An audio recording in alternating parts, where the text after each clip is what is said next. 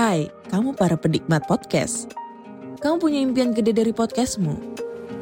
Terus First Story bisa banget bantu kamu. Mulai dari F-Link, Dynamic Audio Insertion, sampai statistik yang komprehensif. Semua ada di First Story.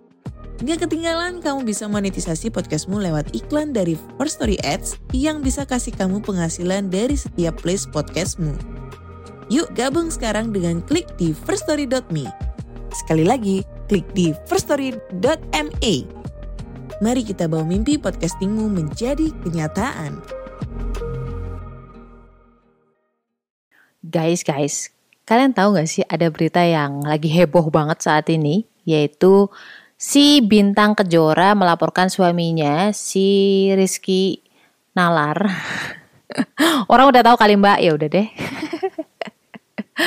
Jadi orang udah tahu ya bahwa sebenarnya si Lesti Bilar, Lesti Bilar lagi, Lesti Kejora itu melaporkan suaminya karena melakukan tindakan KDRT. Seperti apa KDRT-nya? Katanya sih si Lesti itu memergoki si Rizky selingki, selingkuh ya. Saat itu si Rizkynya emotion ya, emosi lalu dia menarik si Lesti sampai membanting dia ke kasur berkali-kali sampai mencekeknya. Mencekek tuh mungkin megang-megang lehernya gitulah, saking emosinya gitu kan. Kejadiannya jam 2 kurang lah dini hari. Nah paginya nih, paginya sekitar jam 9 hampir jam 10 gitu.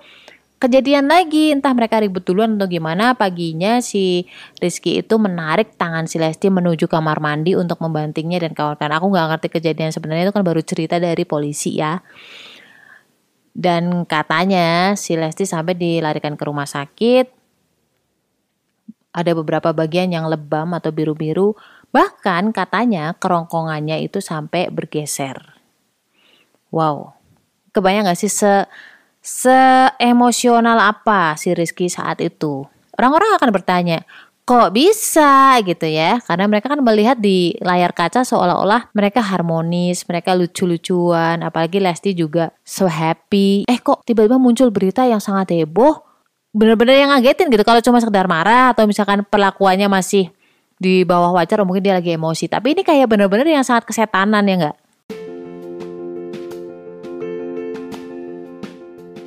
Assalamualaikum warahmatullahi wabarakatuh. Kenalin aku Ria Marliana, teman healing kamu di podcast Self Healing Yang akan ngobrol tentang banyak hal berdamai dengan luka melalui psikologi Islam, Quran dan juga hadis. Dan kadang aku spill juga tentang karakter manusia berdasarkan golongan darah. Semoga bisa membantu kamu lebih relief.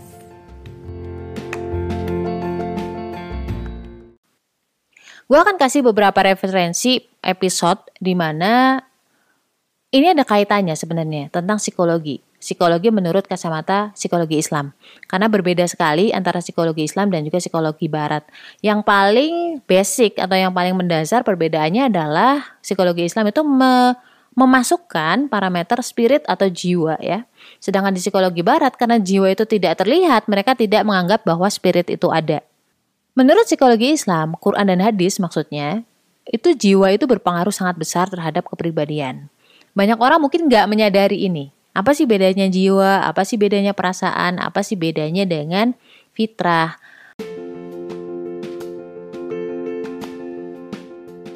Kenapa sih golongan darah B itu pelupa? Susah banget ingat nama. Orangnya juga cuek, nggak pekaan, nggak perhatian. Kenapa coba? Bedah itu semua dari buku cerita tentang karakter golongan darah B dengan judul Beauty in a Beast. Order sekarang, link di bio ya. Fitrah itu adalah bawaan kamu. Bawaan fitrah itu misalkan kayak wataknya. Aku sering ngomong tentang golongan darah, nah itu ada di fitrah. Fitrah bawaan atau sifat bawaan manusia, misalkan dia menyukai keindahan, dia gak suka disakitin, ketika sakit juga dia sedih, itu fitrah. Bahkan Rasulullah Shallallahu Alaihi Wasallam pun ketika Khadijah dan juga paman beliau meninggal wafat, beliau itu sedih. Itu fitrah manusia. Jadi beliau itu bukan robot ya. Kemudian yang kedua adalah ego pribadi atau nafsu pribadi. Ini yang berkaitan dengan harga dirinya. Ketika orang diejek gitu mungkin ya, dia terus oh, emosi gitu, nggak terima. Nah itu yang ngomong adalah nafsu pribadi. Dalam hal ini adalah nafsu amarah. Rasulullah Shallallahu Alaihi Wasallam itu nggak pernah marah untuk ego pribadinya. Beliau nggak pernah marah untuk harga dirinya. Contohnya ketika dia dilempari batu, dia dilempari kotoran, dia dihina, dia difitnah, itu beliau tuh kalem aja.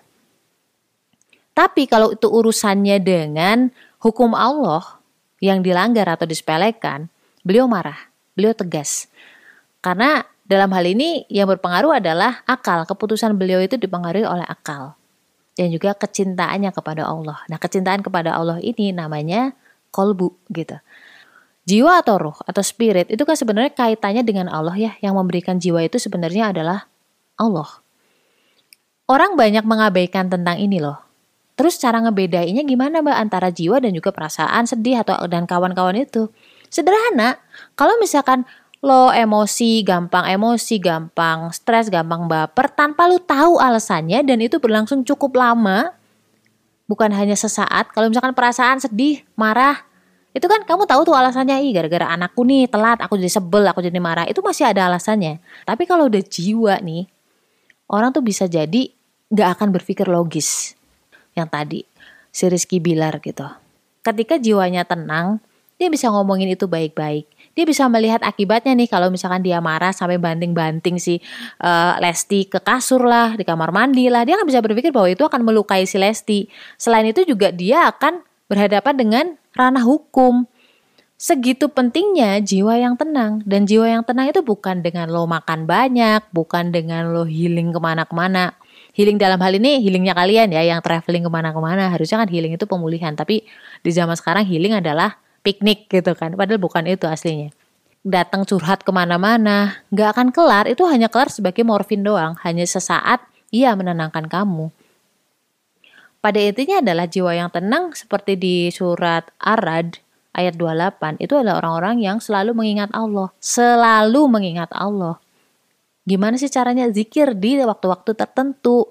Sholat di saat yang memang berintahkan untuk sholat, sholat sunnah, puasa puasa tuh kan hampir setiap saat kita mikirin aduh kapan buka ya kapan buka ya itu kan kita mikir Allah terus ya eh serius jiwa ini adalah kepunyaan Allah gak ada manusia atau penelitian mana pun sampai saat ini yang bisa mengungkap spirit apalagi membuat roh membuat jiwa itu nggak bisa pertanyaannya adalah tanda-tanda orang jiwanya sakit itu seperti apa orangnya itu mudah emosi untuk hal yang sepele, untuk hal yang sebenarnya bisa diselesaikan dengan cara yang baik-baik. Tindakannya tuh tadi di luar nalar, dia nggak bisa mikir dengan jernih. Ada beberapa tipe orang, ketika jiwanya nggak tenang, larinya kemarah, emosional, fisik ya, fisik abusive dan kawan-kawan. Ada yang memang dia melukai dirinya sendiri, merasa tidak berharga, merasa rendah diri, nggak pantas untuk hidup dan endingnya adalah bunuh diri. Nah kebetulan kalau laki-laki kebanyakan ya kalau hormonalnya adalah testosteronnya lebih banyak, mereka akan larinya ke action, marah ke orang lain. Karena orang yang jiwanya sakit, gue nggak bilang sakit jiwa ya, jiwanya sakit ya, itu tidak bisa diajak berpikir dalam kondisi kita yang normal seperti ini yang bisa berpikir dengan jernih. Kita tidak ada di posisi mereka. Kita nggak bisa ngejudge mereka. Kita nggak bisa bilang bahwa kita lebih baik loh. Gitu enggak. Karena di posisi si Rizky pun mungkin kita juga akan berlaku hal yang sama atau lebih mengerikan lagi gitu. Don't judge orang-orang yang larinya ke seperti itu atau orang-orang yang larinya ke depresi. Kalau udah soal jiwa, kita nggak bisa ngomongin jiwa apple to apple dengan akal. Nggak bisa, karena beda ranah. Kalau jiwanya tenang, akalnya juga tenang. Akalnya bisa mencerna dengan baik. Tanda-tandanya orang yang jiwanya sakit itu seperti itu. Pertanyaan selanjutnya adalah bagaimana sih orang kok bisa jiwanya sakit? Yang gue alamin dan yang gue perhatiin sebenarnya dari dampak harta haram. Jadi nggak sekedar kita jauh dari Allah gitu, enggak. Ada beberapa yang membuat jiwa kita sakit. Yang mau menghijabi kita atau membuat kita tuh benar-benar nggak bisa mendapatkan atau membaca ilham dari Allah. Jadi dulu ceritanya ada seorang laki-laki, dia tuh melakukan perjalanan jauh. Rambutnya tuh kusut, penuh debu, dan dia jalannya tertatih-tatih dia membawa pakaian dan juga bekal di pundaknya. Setelah sekian lama jalan tuh, dia stop, dia berhenti. Matanya memandang ke langit, ia ingat sama Tuhannya tuh. Terus dia berdoa, menengadahkan tangannya. Ya Rob, aku minta pertolonganmu. Ya Rob, aku minta rahmat dan kasihmu. Ya Rob, aku minta keselamatan darimu. Dia meminta berulang-ulang, khusyuk banget doanya. Tapi Rasulullah berkomentar, sesungguhnya Allah menolak doa lelaki malang itu. Bagaimana doanya akan terkabul. Sedang makanannya tuh haram, minumannya haram, pakaiannya haram, dan perutnya dikenyangkan dengan makanan haram. Ini ini dalam banget sih maknanya. Itu doesn't bahwa Allah itu menghukum kamu dengan tidak ngasih makanan. Enggak, karena memang itu jatah rizkimu, pasti akan Allah beri. Tetapi orang-orang yang mau makan harta haram itu petunjuknya Allah nggak sampai ke dia gitu. Itu makna yang paling paling dalam di situ. Makanan untuk jiwanya nggak sampai dan aku mengamati fenomena ini tuh nggak nggak baru-baru ini, udah lama dari tahun 2011 sejak aku kerja di bank. Nggak cuma ke diriku sendiri, ke keluarga aku, tapi juga orang-orang lain. Teman-temanku yang kerja di bank, nasabah-nasabah gue gitu. Dan aku membenarkan 100% apa yang disampaikan oleh Allah mengenai ini. Coba lu baca Al-Baqarah ayat 275. Orang-orang yang memakan riba tidak dapat berdiri, melainkan seperti berdirinya orang yang kemasukan setan karena gila. Itu semen dia itu kayak jalan-jalan, kayak ngomong orang gila. Enggak, bukan kayak gitu. Orang gila itu orang yang nggak bisa berpikir logis. Dan buat gua, zaman sekarang, mana ada sih orang yang nggak punya utang riba. Jadi sebelum kita jauh-jauh ngomongin tentang uh, penyebab duniawi, kita cross check diri kita dulu deh. Sampai sesuatu itu terjadi itu pasti udah diizinkan Allah dan tidak ada yang diizinkan Allah terjadi kecuali itu yang terbaik. Kenapa itu terbaik bisa jadi nih dengan kondisi seperti itu kita jadi refleksi, kita jadi mau berubah. Allah pasti akan membuat kita nggak nyaman di dunia. Kenapa? Biar kita tuh nggak lupa. Biar kita tuh akan tetap selalu kembali ke Allah. Biar kita sebelum meninggal itu selalu ingat sama Allah. Allah nggak pengen lu masuk ke neraka karena itu udah sistem tiba-tiba misalkan kalau nggak pernah sholat nggak pernah uh, menjaga diri lo meninggal kemudian lo dimasukin ke surga nggak gitu juga cara mainnya gitu. Kan ada sistemnya. Makanya Allah ngasih kamu tuh kedewasaan dari setiap ujian lo. Nggak bisa juga kita langsung nyalain si rizkinya atau kita nyalain si lestinya. Kita nggak berada di posisi mereka. Di ranah kita yang mengetahui ini itu menjadi ibroh atau pelajaran lah kalau misalnya kita fokusnya ke Allah, percayalah jiwa lo akan dibikin tenang dengan adanya diri lo. Suami mau jungkir balik ya, suami mau ke sini mau ke sono, lo akan tetap bisa berpikir tenang. Berpikir tenang bukan artinya lo diem aja diperlakukan seperti itu enggak, tetapi setiap tindakan kamu itu kamu udah pikirin mateng-mateng dan kamu yakin untuk melakukan itu. Itu intinya. Semoga Allah selalu menjaga kita. La haula wala quwata illa billah. Stay love and assalamualaikum warahmatullahi wabarakatuh.